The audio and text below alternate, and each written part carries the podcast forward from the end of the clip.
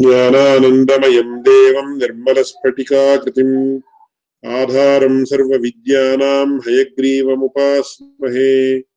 श्रीहयग्रीवाय नमः। विधाय हृदि विश्वेशम्, विधाय गुरुवन्दनम्। बालानाम् सुखबोधाय क्रियते तर्कसङ्ग्रहः। तर्कसङ्ग्रह ग्रन्थविषय तत्र न्यायशास्त्र वैशेषिक न्यायदर्शनवैशेषिकदर्शनयोः ग्रन्थपरम्पराविषये पूर्वतनकक्षायां विस्तरेण अधीतम्। अत्र तर्कसङ्ग्रहग्रन्थस्य दीपिका इति नाम्ना काचन व्याख्या अन्नम्भट्टेन स्वयं रचिता स्वोपज्ञव्याख्या इति उच्यते। एतादृशव्याख्यानां तत्र स्वोपज्ञः इत्येतत् स्वेन विरचितः इत्यर्थः। स्वयं मूलग्रन्थमपि रचयित्वा ततः परं व्याख्यामपि रचयति चेत् तदानीं तत्र आनुकूल्य आधिक्यं भवति, कुतः चेत् व्याख्यायां तावत् तत्र मूलकारस्य आशयः यः सः विस्तरेण अभिव्यज्यते। मूलकारोऽपि स एव व्याख्याता अपि स एव इत्येतत्, तत्र मूलकारस्य मनसि किम् आसीत् चेत् तत्र ऊहादीनां गेस्वर्क् इत्यादीनाम् अवकाशः नास्ति, स्वयं जानाति। अतः तत्र अन्नम्भट्टेन स्वयं तत्र दीपिका इति नाम्ना स्वयं स्वेन विरचितस्य तर्कसङ्ग्रहस्य व्याख्या व्यरचि अतीव उत्तमा व्याख्या, सन्देहो नास्ति। यद्यपि तत्र केषुचित् विषयेषु विवादः अस्ति। हम्म, केषुचित् विषयेषु विवादः अस्ति। किमित्यत् तत्र केषुचित् स्थलेषु न्यायशास्त्रसिद्धान्त अननुगुणतया कानिचन केचन विषयाः प्रतिपादिताः इति। सविचारः अतीव विमर्शावहः। प्रसङ्गात् मया उक्तं तावदेव। इदानीं तत्र ग्रन्थं पश्यामः। सर्वेपि इमं ग्रन्थं स्थापयन्तु। अयं ग्रन्थः तत्र अन्तर्जाले उपलभ्यते। तत्र व्याख्यायाः मङ्गलश्लोकः एवं वर्तते। विश्वेश्वरं साम्बमूर्तिं प्रणिपत्य गिरां गुरुं, टीकां शिशुहितां कुर्वे तर्कसङ्ग्रहदीपिकाम्। विश्वेश्वरं साम्बमूर्तिं। विश्वेश्वरमिति मया पूर्वमेव उक्तम् अस्य इष्टदेवता विश्वेश्वरः, काशीक्षेत्राधिनाथः, विश्वनाथः विश्वनाथः स तावत् साम्बमूर्तिः इति अम्बया सहितः साम्बः, अम्बा नाम पार्वती। तया सहितः साम्बः, साम्बमूर्तिम् इति तत्र अर्धनारीश्वरः इत्यादि शब्दैः तस्य व्यवहारः क्रियते। चेत् शरीरे अर्धभागः, तस्य पत्नी उमा। इति विश्वेश्वरं साम्बमूर्तिं प्रणिपत्य। सः कीदृशः? गिरां गुरुं विश्वेश्वरं साम्बमूर्तिं गिरां वाचां गुरुः वागधिदेवता सः परमेश्वरः इति। विश्वेश्वरं साम्बमूर्तिं प्रणिपत् गिरां गुरुं विश्वेश्वरं साम्बमूर्तिं प्रणिपत्य इत्यन्वयः।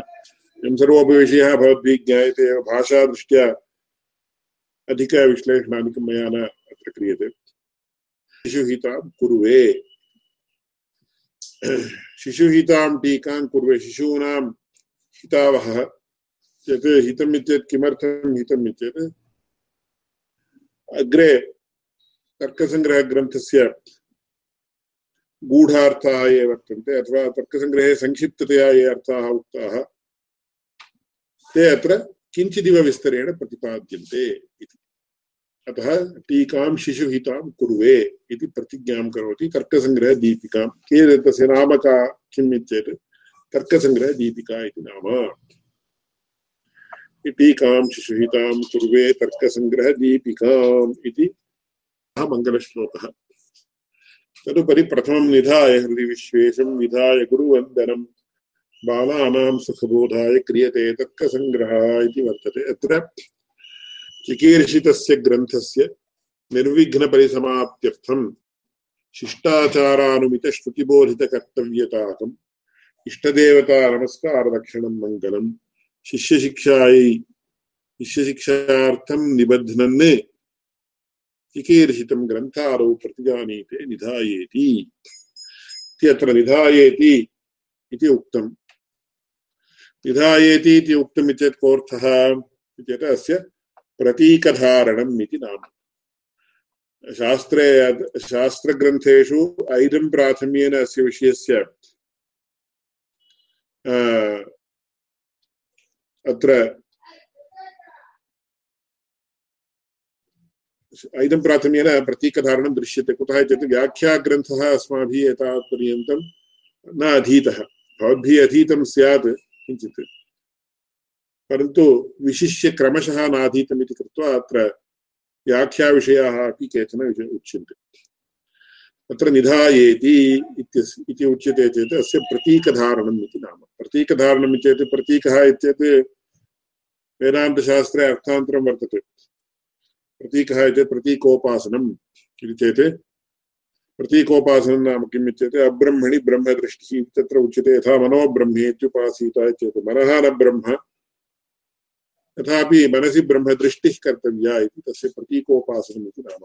वेदान्तशास्त्रे तत् अत्र प्रस्तुतम्। अत्र प्रतीकधारणं नाम व्याचिख्यासितग्रन्थभागोद्धारणम् इति तत्र कैश्चिते विवरणं दीयते। व्याचिख्यासितः इत्युक्ते व्याख्यातुम् इष्टः व्याख्यातुम् इष्टः यः ग्रन्थभागः, सः उल्लिख्यते चेत्, तदानीं व्याचिख्यासितग्रन्थभागो उल्लेखः, प्रतीकः, प्रतीक, उल्लेखनं प्रतीकधारणम् इति। निधायेति इति तत्र निधाय हृदि विश्वेशम् इत्यादि।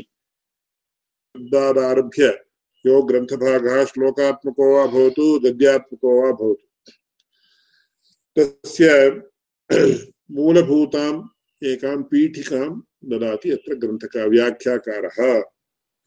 अतः निधायेति इति प्रतीकधारणम्।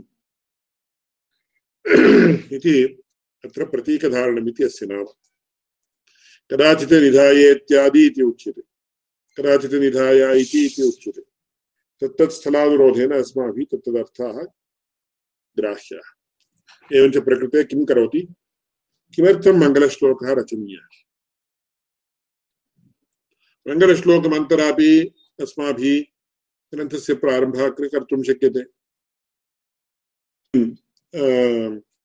शङ्कराचार्यैः युष्मरस्मत्प्रत्ययगोचरयोः इति एवं साक्षात् ग्रन्थारम्भः क्रियते। तत्र मङ्गलश्लोकादिकं नास्ति।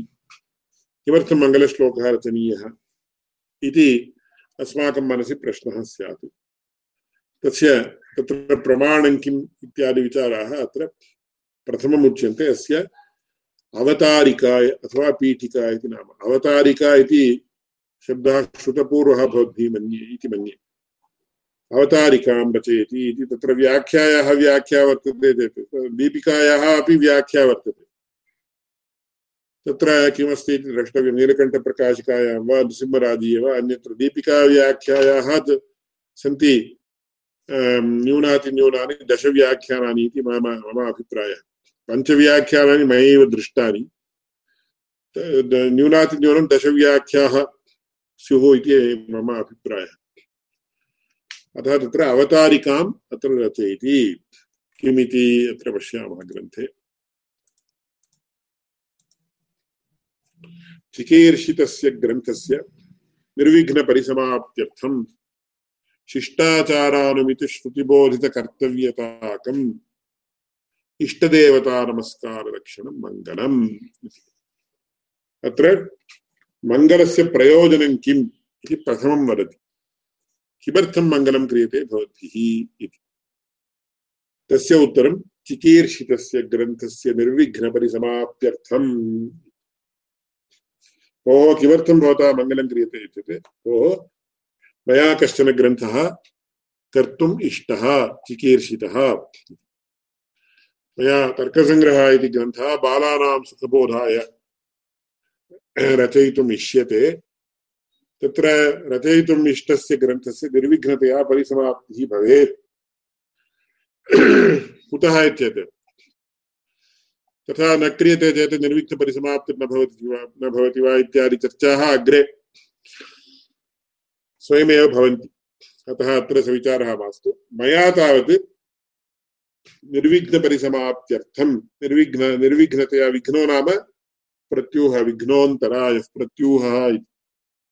विघ्नाः आगच्छन्ति चेत् ग्रन्थस्य समाप्तिः न भवति, अर्धे एव अवतिष्ठते ग्रन्थः। अतः विघ्नो नाम समाप्तिप्रतिबन्धक, अत्र विघ्नः इति शब्दस्यापि पारिभाषिकत्वं। को नाम विघ्नः इत्येत् समाप्तिप्रतिबन्धकदुरितविशेषः, न्यायशास्त्रे एकैकस्यापि शब्दस्य अर्थम् अनुक्त्वा अस्माभिः अग्रे गमनं न सम्मतम्। अर्थकथनं वा भवतु, पारिभाषिकपदं चेत् तस्य विवरणं तद्य तदा तदानीमपि तस्य अर्थकथनं तत्र अनिवार्यम्। अतः विघ्ना विघ्नो नाम दुरितविशेषः इति साधारणतया उच्यते, परन्तु प्रकृते निर्विघ्नपरिसमाप्त्यर्थम् चेत् विघ्नो नाम समाप्तिप्रतिबन्धकदुरितविशेषः। समाप्तिर्नाम कः इति प्रश्नः स्यात्। समाप्तिर्नाम कः का इति चिन्तव्यं। समाप्तिशब्दः स्त्रीलिङ्गान्तः समोर्थः इति वक्तुं शक्यते वा? ऊहः कर्तुं शक्यते वा? केनचित् कयाचिद्वा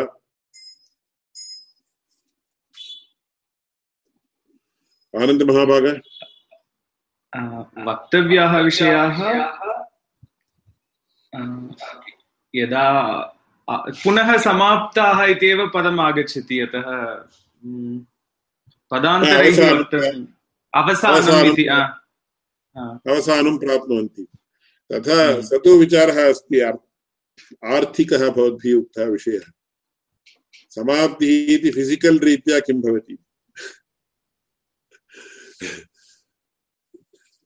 तत्र समाप्तिः चेदेवं न्यायशास्त्रे। कदाचित् अस्माकं किञ्चिदिव हास्यावहमपि भवेत्। परन्तु फिसिकलि यत् भवति तद् वक्तव्यं यथा इदानीम् अन्न तर्कसङ्ग्रहग्रन्थस्य समाप्तिः जातः, जाता खलु तत्र। काणादन्यायमतयोर्बालव्युत्पत्तिसिद्धये अन्नं भट्टेन विदुषा रचितस्तर्कसङ्ग्रहः एवं खलु? तत्र मध्ये येन केनचित् यया कयाचित् वा उत्तरं वक्तुं शक्यते तत्र. आक्टिव् स्पीकर् पासिव् लिसनर्स् इति एवं मास्तु इति. इण्टराक्टिव् भवेत्. तत्र हरि हरिप्रियदासेन उक्तमस्ति सम्यक् आप्तिः अथवा कार्यसिद्धिः इति. आप्तिः कार्यसिद्धिः। सः मया अत एव एकं क्लू दत्तमस्ति तत्र समाप्तिः चेत् तत्र फिसिकलि किं भवति? तत्र इदानीम् अत एव मया कक्ष्यायाः अनुवर्तनं न भवति। ग्रन्थस्य इति ग्रन्थस्य समाप्तिः खलु कक्ष्यायाः समाप्तिः न। ग्रन्थस्य समाप्तिः इत्येत् तत्र काणानन्यायमतयोर्बालव्युत्पत्तिसिद्धये अन्नं भट्टेन विदुषा रचितस्तर्कसङ्ग्रहः यदा इति अन्तिमं वाक्यं खलु, अन्तिमः श्लोकं, श्लोको वा भवतु, वाक्यं वा भवतु। तत्र अन्तिमरचितस्तर्कसङ्ग्रहः इति, हकारोत्तरविसर्गः यदा तत्र उच्चारितः नष्टश्च तदानीं समाप्तिर्जाता इति। एवं खलु तत्र वक्तव्यं फिसिकल् रूपेण। Physically it ends with the word हः, तर्कसङ्ग्रहः इति। सर्वेषां ग्रन्थानाम् एवं भवति वा? सर्वे न अत्र हः इति। हम्म। रामायणे तत्र तेषां वासस्त्रिविष्टपे इति पे इति पकारोत्तर एकारे अन्तः जातः। महाभारते अन्यत्र रामायणे अन्यथा अन्यथा मुक्तावल्याम् अथवा कारिकावल्यां तस्मात् अनिष्टा एवेति वर्णाः सर्वे मतं हीनः इति समाप्तिः कृतः कृता। नवदविसर्गः इति चेत् यः यो वा यद्वा तद्वा भवतु अक्षरम्। परन्तु अन्तिमवर्णः यदा उच्चार्यते, उच्चार्य तस्य नाशः जायते तदानीं तत्र ग्रन्थः समाप्तः इति। अतः समाप्तिर्नाम चरमवर्णध्वंसः इति उच्यते। किञ्चिदिव किञ्चिदिव हास्यावहमिव भाति, परन्तु physically if it has to be defined यदि अस्माभिः एवमेव इति किं नष्टं जातमिति चरमवर्णध्वंसः इति चरमवर्णो नाम अन्तिमवर्णः अन्तिमवर्णध्वंसः यदा भवति वर्णध्वंसः चेत् वर्णः केनचित् तत्र ஒரு உலக்கை வாழ்ந்து இடிச்சான்னு அந்த மாதிரி அர்த்தம் अथवा तत्र किं परशुना वा अन्य पदार्थेन वा एवं ध्वंसितः अथवा ध्वस्तः इति न अर्थः इतोपि वक्तव्यांशः कोऽपि न अवशिष्टः इति धिया। अर्थदृष्ट्या अर्थदृष्ट्या अत एव मया उक्तं शब्ददृष्ट्या फिसिकलि वाट् हेपन्स् इति अत एव आङ्ग्लभाषायां मया पृष्टम्। भौतिकदृष्ट्या किं भवति चेत् अन्तिमः वर्णः यदा उच्चार्य सः अपि ध्वंसं प्राप्नोति तदानीं सः ग्रन्थः समाप्तः। अतः ग्रन् समाप्तिर् नाम चरमवर्णध्वंसः इति टेक्निकल् वक्तव्यांशाः यदा भवन्ति चेत् शब्देन खलु उच्यन्ते ग्रन्थे।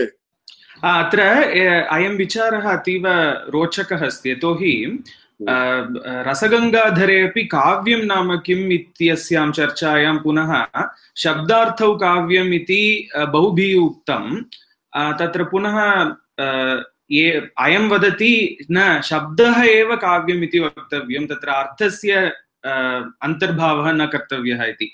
तत्र पुनः आक्षेपादिकं कृतं तद्भिन्नं किन्तु अतः एकः ग्रन्थः इति चेत् केवलं शब्दात्मकः उत अर्थः अपि तत्र अन्तर्भाव्यः इत्यपि कश्चन विचारः दीर्घतया प्रचलति। तत्र शब्दः इति शब्दो नाम आप्तवाक्यम् इति यदि स्वीक्रियते अथवा शब्दः हम्म। इति फिसिकल् रूपेण शब्दानां गणना यदि क्रियते तदानीं कन्सिडरिङ्ग् दि वर्ड्स् अथवा शब्दरूपं खलु भवति तत्र ध्वन्यात्मकः हम्म। वर्णात्मकश्च इति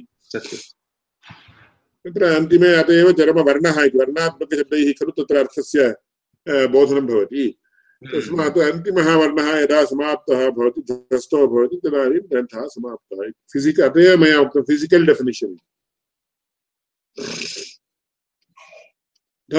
समाप्तिर्नाम चरमवर्णध्वंसः इति एतैः तत्र निर्णयः कृतः अत किञ्चिदिव नूतनतया येषां तर्कशास्त्रे प्रवेशः भवति किं किम् एवम् उक्तं खलु कथम् इति चर्मवर्णः कः इत्येत् अनेनैव तत्र म्यान्स्क्रिप्टालजि मध्ये उच्यते इतिष्टि अन्नं भट्टविरचिते तर्क इतिष्टि अन्नं भट्टविरचितः तर्कसङ्ग्रहः समाप्तः इति वर्तते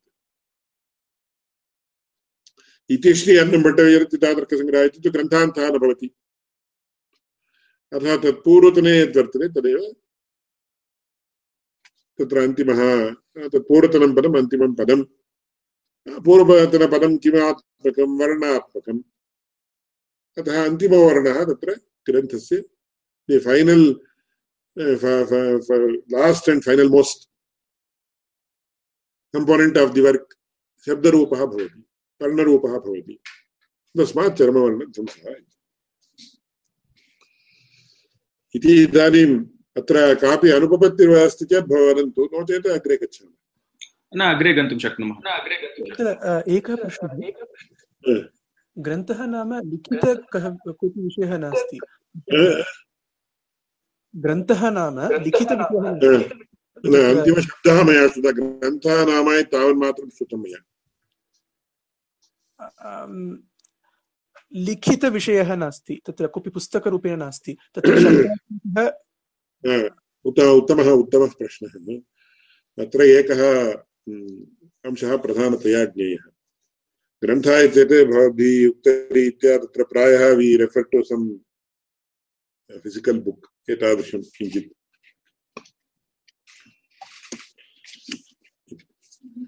वास्तवतया तत्र ग्रन्थः इत्येतत् तथा नास्ति कुतः इत्येत् अस्मिन् ग्रन्थे इदानीं तत्र किं वर्तते चेत् लिपिः वर्तते तत्रापि लिपिः इत्यत् देवनागरीलिपिः इत्यादिकं स्वीक्रियते चेत् तत्र लिपिर्नामका लिपिशब्दस्य कोऽर्थः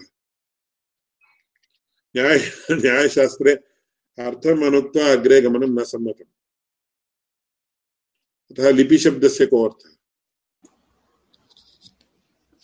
वर्णानुपूर्वी। वर्णः इत्येतत् पुनः शब्दः जातः। लिपिः इति शब्दस्य को अर्थः। वर्णस्तु शब्दात्मकः यः श्रूयते अस्माभिः तत्र श्रोत्रेण आङ्ग्लेन आङ्ग्लेन वक्तव्यं चेत् फिसिकल् रेप्रेसेण्टेशन् आफ् सौण्ड् इति फिसिकल् रेप्रेसेण्टेशन् इति उच्यते आर्थोग्राफिक् रेप्रेसेण्टेशन् इति उच्यते। अन्यः। संस्कृतभाषायां तु वर्णानुमापकरेखोपरेखा विन्यासः ए बहु उत्तमम् अस्ति एतत् एवम् एतादृशविषयान् कृपया मध्ये मध्ये वदतु। बहु रु- रुचिकरमपि उच्यताम्। अस्ति। पुनः उच्यतां वर्ण वर्णानुमापक रेखोपरेखा विन्यासः इति। वर्ण अनुमापकः इत्येत् इदानीम् अत्र एतादृशः एतादृशं एतादृश आकारः अस्ति चेत् तदानीम् अस्माभिः इदं दृष्ट्वा आ आ इति। It is actually inferred infer the sound by means of the by means of its orthographic representation. वर्ण Sorry. वर्णानुमापकरेखा रेखो रेखोपरेखा विन्यासः रेखोपरेखा इति रेखा विन्यासः इति इदानीं रा इति चेत् एवं लिखामः इयं रेखा इति उच्यते उपरि तत्र यः अस्माभिः स्ट्रैट् लैन् यत् क्रियते तत् सा उपरेखा इति उच्यते अतः लिपिर्नाम वर्णानुमापकरेखोपरेखा विन्यासः। अतः लिपिः इति उच्यते चेत् तत्र रेखोपरेखाणां विन्यासः। सः हस्तेन वा लिखितं भवतु, प्रिण्ट्, प्रिण्टिङ्ग् मेशीन् द्वारा वा कृतं भवतु, सविचारः द्वारा। यथा कथमपि भवितुमर्हति। अतः तत्र लिपिर्नाम वर्णा वर्णानुमापकरेखोपरेखा विन्यासः। तत्र कियत् दूरम् अस्माकं पूर्वतनैः एते विषयाः विश्लेषिताः। How minutely they have analysed probably no other shastra no other discipline as far as I know because I have not read many other disciplines but in I have studied English and also a few other subjects एतादृशविषयेषु एतावत् दीर्घतया वा, एतावत् गहनतया वा कैश्चिदपि विवरणम् अथवा तत्र संशोधनं न कृतम् इति अथवा विश्लेषणं न कृतम् इति मम अभिप्रायः। इतोपि कृतं चेत् भवद्भिः ज्ञातं चेत् वदन्तु we have to be open minded अन्यत्रापि कृतं चेत् तत्र अस्माभिः अङ्गीकर्तव्यं तावदेव। अतः लिपिर्नाम वर्णानुमापकरेखोपरेखा विन्यासः। अत्र ग्रन्थः तु शब्दात्मकः। शब्दः कुत्र तिष्ठति? इत्येतत् शब्दः वास्तवतया आकाशे तिष्ठति। तत्र यदि अस्माभिः शास्त्रीयदृष्ट्या व्यवहारः क्रियते।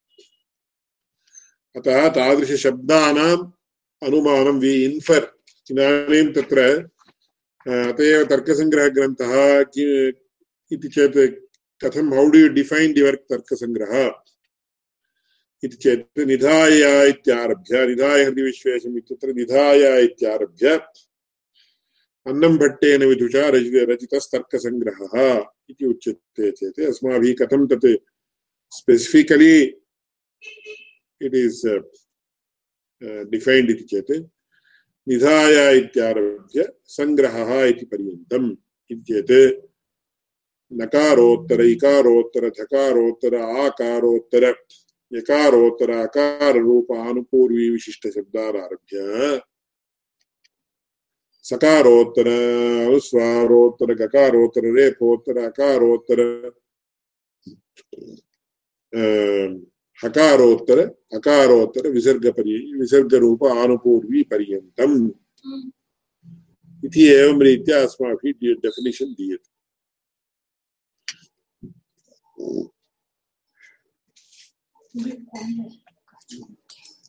अतः तत्र सः तावत् शब्दरूपः भवति ग्रन्थः। एतादृशशब्दस्य अनुमानम् अनुमानम् चेत् इन्फरेन्स् सन्देहः इत्यस्मिन् अर्थे न स्वीकर्तव्यं देशभाषया तत्र अनुमानशब्दस्य सन्देहः भर्तारो नोत अनुमान इति उच्यते। अनुमानशब्दः कर्णाटकादिभाषासु तत्र सन्देहः इत्यस्मिन् अर्थे वर्तते। तस्मिन् अर्थे न अस्माभिः स्वीकर्तव्यम्। अतः तत्र ग्रन्थः ग्रन्थो नाम कः तत्र रेखोपरेखाविन्यासात्मकः न। ग्रन्थस्य अनुमानं क्रियते एतादृशरेखोपरेखाविन्यासेन लिपिना। लिपिशब्दः पुल्लिङ्गो, पुल्लिङ्गान्तो वा स्त्रीलिङ्गान्तो वा?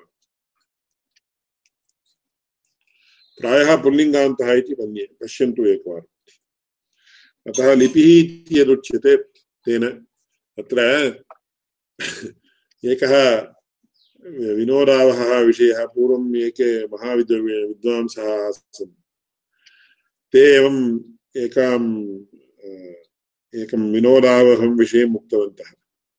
चेत् संस्कृतं यैः न सम्यक् ज्ञायते, तैः एव तस्य स्वारस्यम् अनुभोक्तुं शक्यते। किमिति चेत् तत्र दध्नाजुहोति इति वक्तव्यं वा मया उक्तं वा अयं विषयः पूर्वम् एकवारम् उक्तम् इति मन्ये दध्नाजुहोति इति वक्तव्यं वा दधिनाजुहोति इति वक्तव्यं वा तत्र दधिशब्दः तेन विस्मृतः अतः तेन किमुक्तम् इति चेत् बहु सः व्युत्पन्नः आसीत् सः उक्तवान् दधिशब्दस्य तृतीयान्तस्तेन जुहोति इति दधिशब्दस्य यः तृतीयान्तशब्दः वर्तते तेन जुहोति इति उक्तम्। एवं लिपिः लिपिः स्त्रीलिङ्गम् अस्ति वाचस्पत्ये दृष्टम् इदानीं ओ समीचीनं समीचीनम् अतः तत्र लिप्तिशब्दवत् भवति लिप्या ज्ञाप्यमानः अर्थः इति अस्माभिः स्वीकर्तव्यम्। तस्मात् अत्र तावत् लिपिः एव वर्तते तस्मात् अयम् एतादृश बौण्ड् वा भवतु अन्बौण्ड् वा भवतु, अयं ग्रन्थः इति शब्देन न व्यवहर्तुं शक्यते। तत्र लिपीनां विन्यासः वर्तते। तादृशलिपिना अस्माभिः शब्दात्मकः ग्रन्थः अनुमीयते। यद्यपि ग्रन्थः तर्कसङ्ग्रहग्रन्थः आनीतः वा इत्येतत् तत्र लाक्षणिकप्रयोगः। तर्कसङ्ग्रहग्रन्थः आनीतः आनीतः अस्ति अत्र, पश्यन्तु। अयं तु न ग्रन्थः, किन्तु ग्रन्थस्य ज्ञापकः। तत्र लाक्षणिकप्रयोगः अयमेव ग्रन्थः इति। वास्तवतया ग्रन्थस्य शब्दरूपत्वात् तदभिज्ञापकः, अभिज्ञापकलिपिविशिष्टः अयं लिपिविशिष्टमिदं पत्रम्। तस्मात् एवं वक्तव्यम्। एवञ्च कथं भवति इति अस्माकं सम्यक् ज्ञायते चेत् बुद्धेः विशिष्टः संस्कारः जायते। बुद्धेः संस्कारः यस्य सम्यक् भवति। सः यङ्कमपि विषयं सम्यक् अवगन्तुं प्रभवति। अतः न्यायशास्त्रे एतादृश विश्लेषणक्रमस्य शिक्षणं सम्यक् क्रियते। एवञ्च समाप्तिर्नाम चरमवर्णध्वंसः। विघ्नो नाम समाप्तिप्रतिबन्धकदुरितविशेषः इति तत्र वक्तव्यम्। इति चिकीर्षितस्य ग्रन्थस्य भवन्तः एतत् स्क्रीन् शेर् कृत्वा अथवा प्रिण्ट् स्क्रीन् कृत्वा अन्यत्रापि स्थापयितुं प्रभवन्ति। इममपि ग्रन्थ इममपि ग्रन्थम् ईमेल् द्वारा प्रेषयामि सः। सर्व आनन्दमहाभागाय सः सर्वेभ्यः फार्वर्ड् कर्तुं प्रभवति अतः तत्र चिकीर्षितस्य ग्रन्थस्य निर्विघ्नपरिसमाप्त्यर्थं शिष्टाचारानुमितश्रुतिबोधितकर्तव्यतातम्। शिष्टाचार अत्र पुनः प्रश्नः आगच्छति। इदानीं चिकीर्षितस्य ग्रन्थस्य निर्विघ्नपरिसमाप्त्यर्थम् इति अर्थः ज्ञातो वा? अत्र कोऽपि सन्देहः वर्तते वा?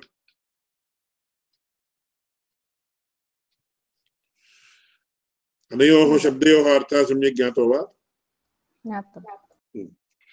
चिकीर्षितस्य ग्रन्थस्य निर्विघ्नपरिसमाप्त्यर्थं शिष्टाचारानुमितश्रुतिबोधितकर्तव्यताकम्।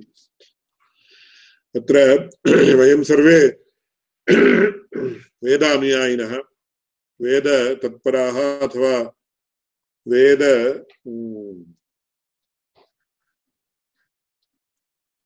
वेदभृत्याः इत्यपि वक्तुं शक्यते। कुतः चेत् वेदेषु यत् विधीयते तदनुगुणतया एव अस्माभिः कर्तव्यम्। एवं तत्र धर्माचरणं कथम् धर्मः कः चेत् विहितकर्मजन्यः धर्मः भृतिर्नाम वेतनमिति खलु? भृतिः भृतिर्नाम वृतिः वृतिः इति वा? महाप्राणभ। भृतिः इति वा? इति चेत् तत्र यत् वेतनं दीयते इदानीं भृत्यः इति शब्दः भृतिः इति शब्दस्य उपरि एव आगतः।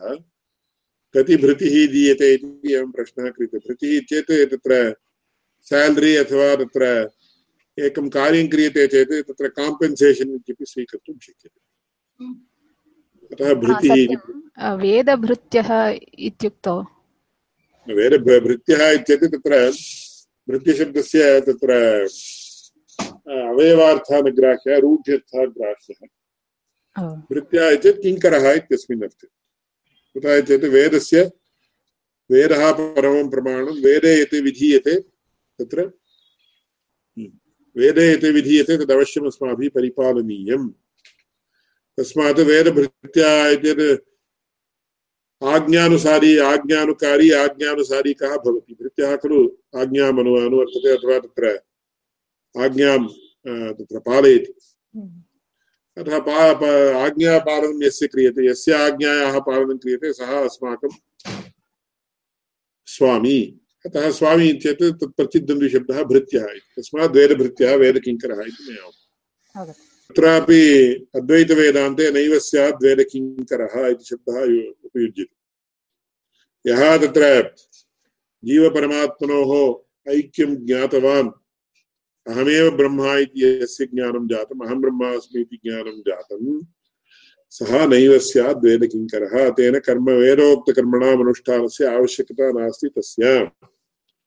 सन्ध्यावन्दनादीनाम् अनुष्ठानस्य आवश्यकता नास्ति तस्य इति उच्यते। तदेव वेद नैव स्यात् वेदकिङ्करः इति वेदकिङ्करशब्दः उपयुज्यते। एवञ्च प्रकृते अस्माभिः कर्तव्यं किञ्चिदस्ति चेत् तस्य we have to have तत्र लौकिकविषयेषु उच्यते does it have legal sanction सर्वकारे कश्चन विषयः कर्तव्यो भवति तदानीं किमिति पृच्छन्ति is it according to the rules इति पृच्छन्ति खलु तत्र कस्यापि नियमस्य भङ्गः न भवति खलु नियमानुगुणं वर्तते खलु इति प्रश्नः क्रियते वा न तद्वत् मङ्गलं कर्तव्यमिति कुत्र उक्तम् एतत् कार्यार्थम्। यथा इदानीं धनसम्पादनं तत्र कर्तव्यं षडशः कणशश्चैव विद्यामर्थं च साधयेत् इति वर्तते। धनम् अर्जयेत् इति वर्तते। अहं चौर्यं वा, तत्र अन्यत् किमपि नियम बहिर्भूतं कार्यं कृत्वा धनम् अर्जयितुं शक्नोमि वा? क्षणशः, कणशः विद्याम् अर्थं च साधयेत् इति वर्तते। कणशः अर्थं च साधयेत् चेत् अन्यत्र गत्वा अन्यं कञ्चित् हत्वा अहं धनं सम्पादयामि चेत् तद्युक्तं वा?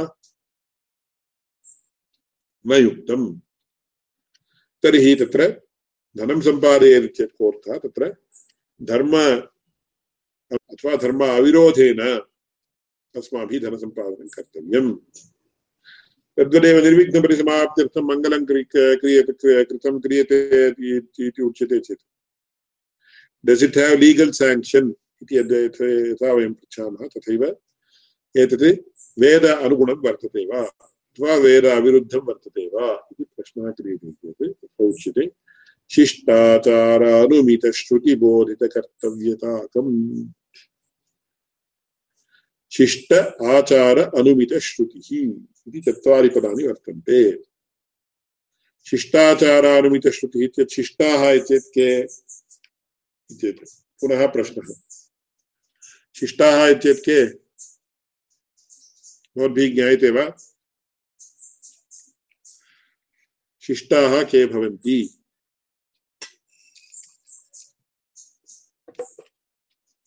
आनन्दमहाभाग, गुरुप्रसादमहाभाग, केनापि वक्तुं शक्यते।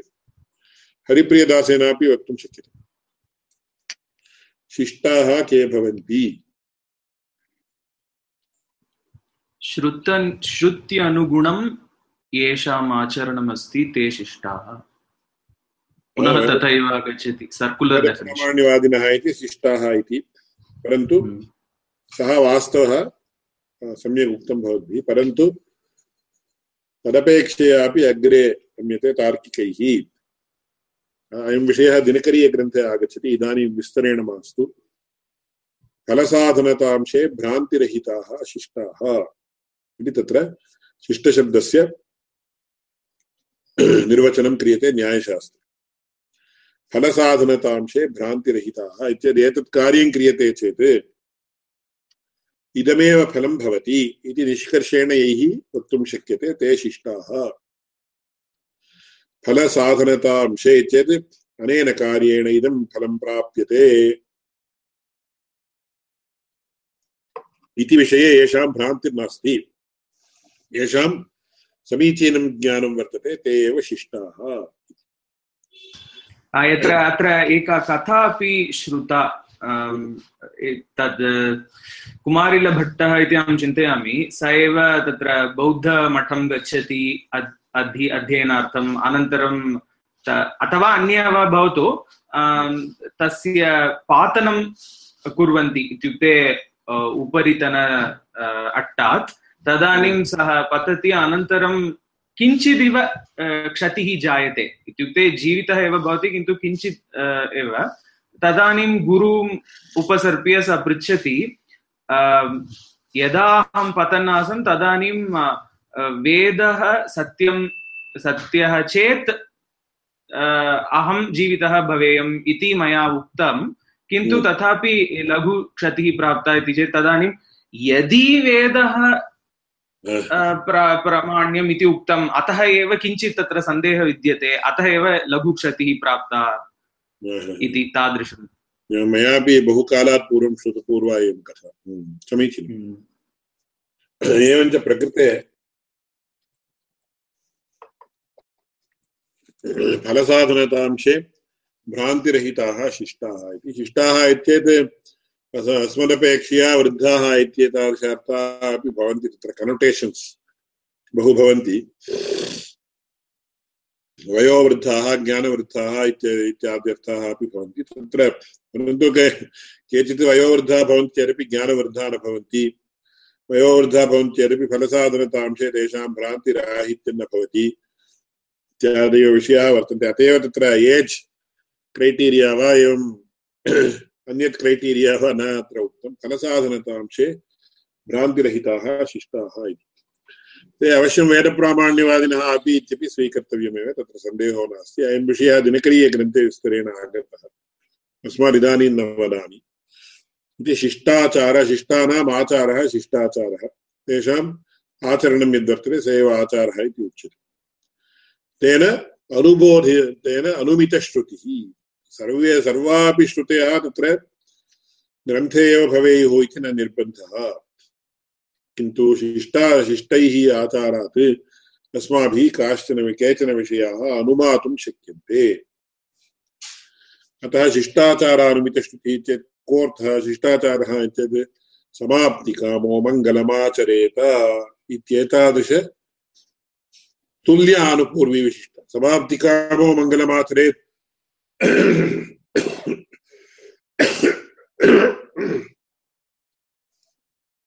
इति श्रुतिः एवमेव भवति इति नार्थः। एतस्मिन् अर्थे विद्यमाना श्रुतिः।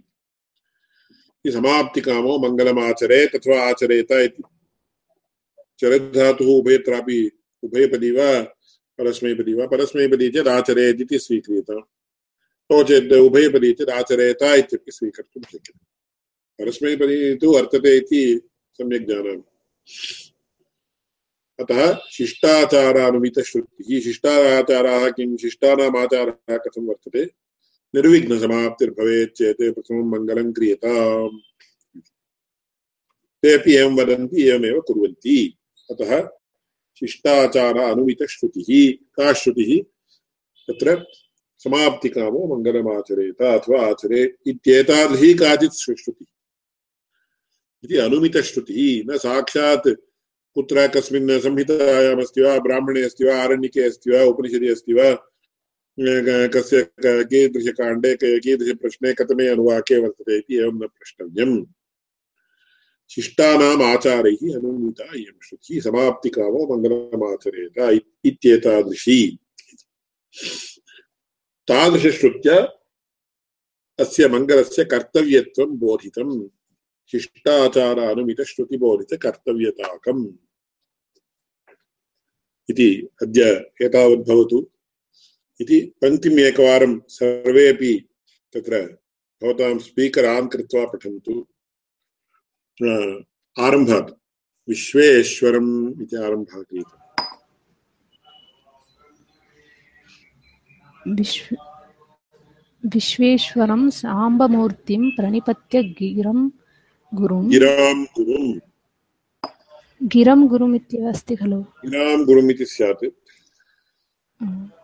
तत्र मुद्रणदोषः। गिरं गुरुम् इति न भवति किन्तु गिरां गुरुम् इत्येव भवति मुद्रणदोषः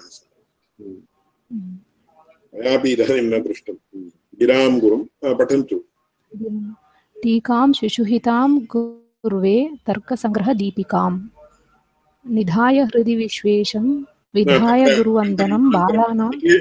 चिकीर्षितस्य ग्रन्थस्य इति चिकीर्षितस्य ग्रन्थस्य चिकीर्षितस्य ग्रन्थस्य निर्विघ्नपर परिसमाप्त्यर्थं शिष्टाचारानुमितश्रुतिबोधितकर्तव्यताकमि कर्तव्यता कर्तव्यताकम् तत्र विरामः देयः। कर्तव्यताकम् इष्टदेवतानां इष्टदेवता नमस्कारलक्षणम्। इष्टदेवता नमस्कारलक्षणं मङ्गलं शिष्यशिक्षार्थं निबन्धं निबन्ध निबध्नन् इति भवेत् इति पठनीयम् निबध्नन् चिकीर्षितं ग्रन्थादौ प्रतिजानीते निधायेति तत्र तत्र अस्ति क्रमः। कुत्र विरामः देयः कुत्र विरामः न देयः इत्यादि विचारे अस्ति विषयः अस्ति सौक्ष्म्यम्। अत्र एवं पठनीयम् विश्वेश्वरं साम्बमूर्तिं प्रणिपत्य गिराङ्गुरम् टीकां शिशुहितां कुरुवे तर्कसङ्ग्रहदीपिकाम्। चिकीर्षितस्य ग्रन्थस्य निर्विघ्नपरिसमाप्त्यर्थं शिष्टाचारानुमितश्रुतिबोधितकर्तव्यताकम्। इष्टदेवतानमस्कारलक्षणं मङ्गलं शिष्यशिक्षायै ग्रन्थतो निबध्नन् चिकीर्षितं ग्रन्थादौ प्रतिजानीते निधायेति। विधा विधाय गुरुवन्दनं बालानां सुखबोधाय क्रियते तर्कसङ्ग्रहः। यः संस्कृतं न जानाति तेनापि तादृश इण्टोनेशन् इत्यादिद्वारा किञ्चिदिव किञ्चिदिव अर्धज्ञानं भविष्यत्येव। स यथा भवेत् तथा अस्माभिः पठनीयम्। यत्र समासभूयिष्ठता वर्तते तत्र क्रमशः यत्र मध्ये तत् ब्रेक् कर्तव्यं तत्रैव ब्रेक् कर्तव्यं यथा शिष्टाचारानुमितश्रुतिबोधितकर्तव्यताकम् इष्टदेवतानमस्कारलक्षणम्। मङ्गलं शिष्यशिक्षार्थं निबध्नन्। इति निबद्धं चिकीर्षितम् इति सन्धि वर्तते। परन्तु शिष्यशिक्षार्थं निबध्नन्। चिकीर्षितं ग्रन्थादौ प्रतिजानीते। एवं रीत्या तत्र विभागः क्रियते चेत् पङ्क्तेः सम्यक् ज्ञानम् अत एव मया उक्तं सामान्यज्ञानवतापि यथा सम्यक् ज्ञानं भवेत्। येषां ज्ञानमेव नास्ति, तैरपि किञ्चिदिव ज्ञानं यथा प्राप्येत्, तथा पङ्क्तेः पठनं कर्तव्यम्। अत्र श्रीवैष्णवसम्प्रदाये पङ्क्तिसेविक्रियते पङ्क्तिसेविक्रियते इति नाम। सेविक्रियते चेत् अनुसन्धानम् इति। पङ्क्त्याः अनुसन्धानं कथं कर्तव्यम् इत्येतत् तत्र सामान्यज्ञानवतामपि सम्यक् यथा ज्ञानं भवेत्। अथवा येषां ज्ञानमेव नास्ति, तेषामपि किञ्चिदिव वा ज्ञानं भवेत् तथा पङ्क्तिः पठनीया। इति शास्त्रीयक्रमः इति तत्र एवं विरामं प्राप्नुमः। इदानीं प्रश्नः कोऽपि वर्तते वा? अनुमितश्रुतिः इति या वर्तते। विषये एतावत्पर्यन्तं न तस्य विवरणं प्रतिपादितं श्वः प्रतिपाद्यते अन्यः कोऽपि प्रश्नः?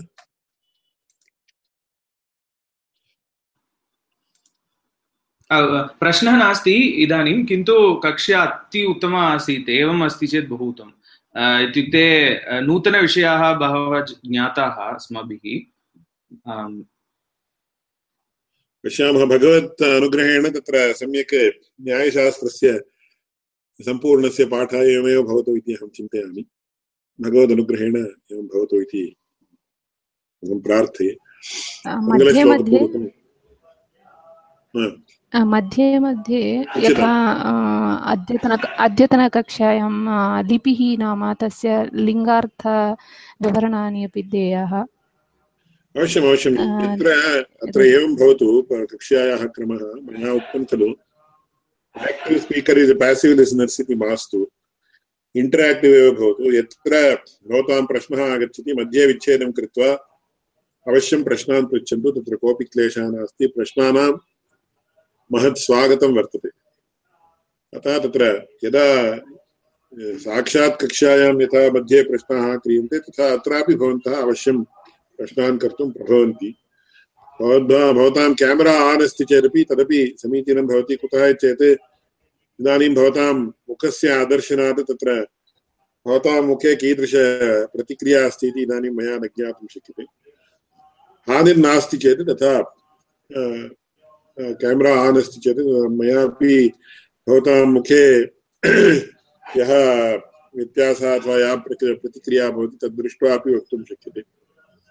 तथा या भवताम् आनुकूल्यम् अस्ति चेत् तदानीं केमेरा अपि आन् कुर्वन्तु। नो चेत् इदानीं केवलं चित्राणि पश्यामि। अतः भवतां मनसि किम् अस्ति इति मया भवतां मुखभावात् अनुमातुं न शक्यते मया। अतः यावत्पर्यन्तं शक्यम् आनुकूल्यम् अस्ति चेत् केमेरा आन् कुर्वन्तु। एवं मध्ये यत्र कुत्रापि विच्छेदं कृत्वा प्रश्नं कर्तुं प्रभवन्ति भवन्तः, तत्र प्रश्नकरणविषये कोऽपि सङ्कोचः मास्तु। विधाय हृदि विश्वेशं विधाय गुरुवन्दनं बालानां सुखबोधाय क्रियते तर्कसङ्ग्रहः। विश्वेश्वरं साम्बमूर्तिं प्रणिपत्य गिरां गुरुं टीकां शिशुहितां कुर्वे तर्कसङ्ग्रहदीपिकाम् ज्ञानानन्दमयं देवं निर्मलस्फटिकाकृतिम्, आधारं सर्वविद्यानां हयग्रीवमुपास्महे श्रीहयग्रीवाय नमः। तत्र व्युत्पादकपाठः इति उच्यते। केषाञ्चित् पाठः अतीव व्युत्पादको भवति इति प्राचीनकाले वदन्ति स्म। अतः व्युत्पादकपाठः इत्येतत् तत्र एम्पवरिङ्ग् दि स्टूडेण्ट्स्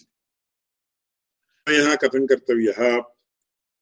तत्र पङ्क्तेः तत्र इण्टर्प्रिटेशन् कथं कर्तव्यम्? तदेव प्रतीकधारणं नाम किं? प्रतीकं नाम किम्? एते सर्वे विषयाः अद्य किञ्चिदिव उदाहृताः। एवं रीत्या तत्र पञ्चशग्रन्थानां पठने अनन्तरं संस्कृतभाषायां यः कोऽपि ग्रन्थः शास्त्रीयो वा काव्यात्मको वा यः कोऽपि भवतु सः भवद्भिः स्वयमेव पठितुं शक्यते। तथा कर्तव्यं भवतां विषये इति मम अभिप्रायः। अतः एवं भवतु भगवत्सङ्कल्पानुरोधेन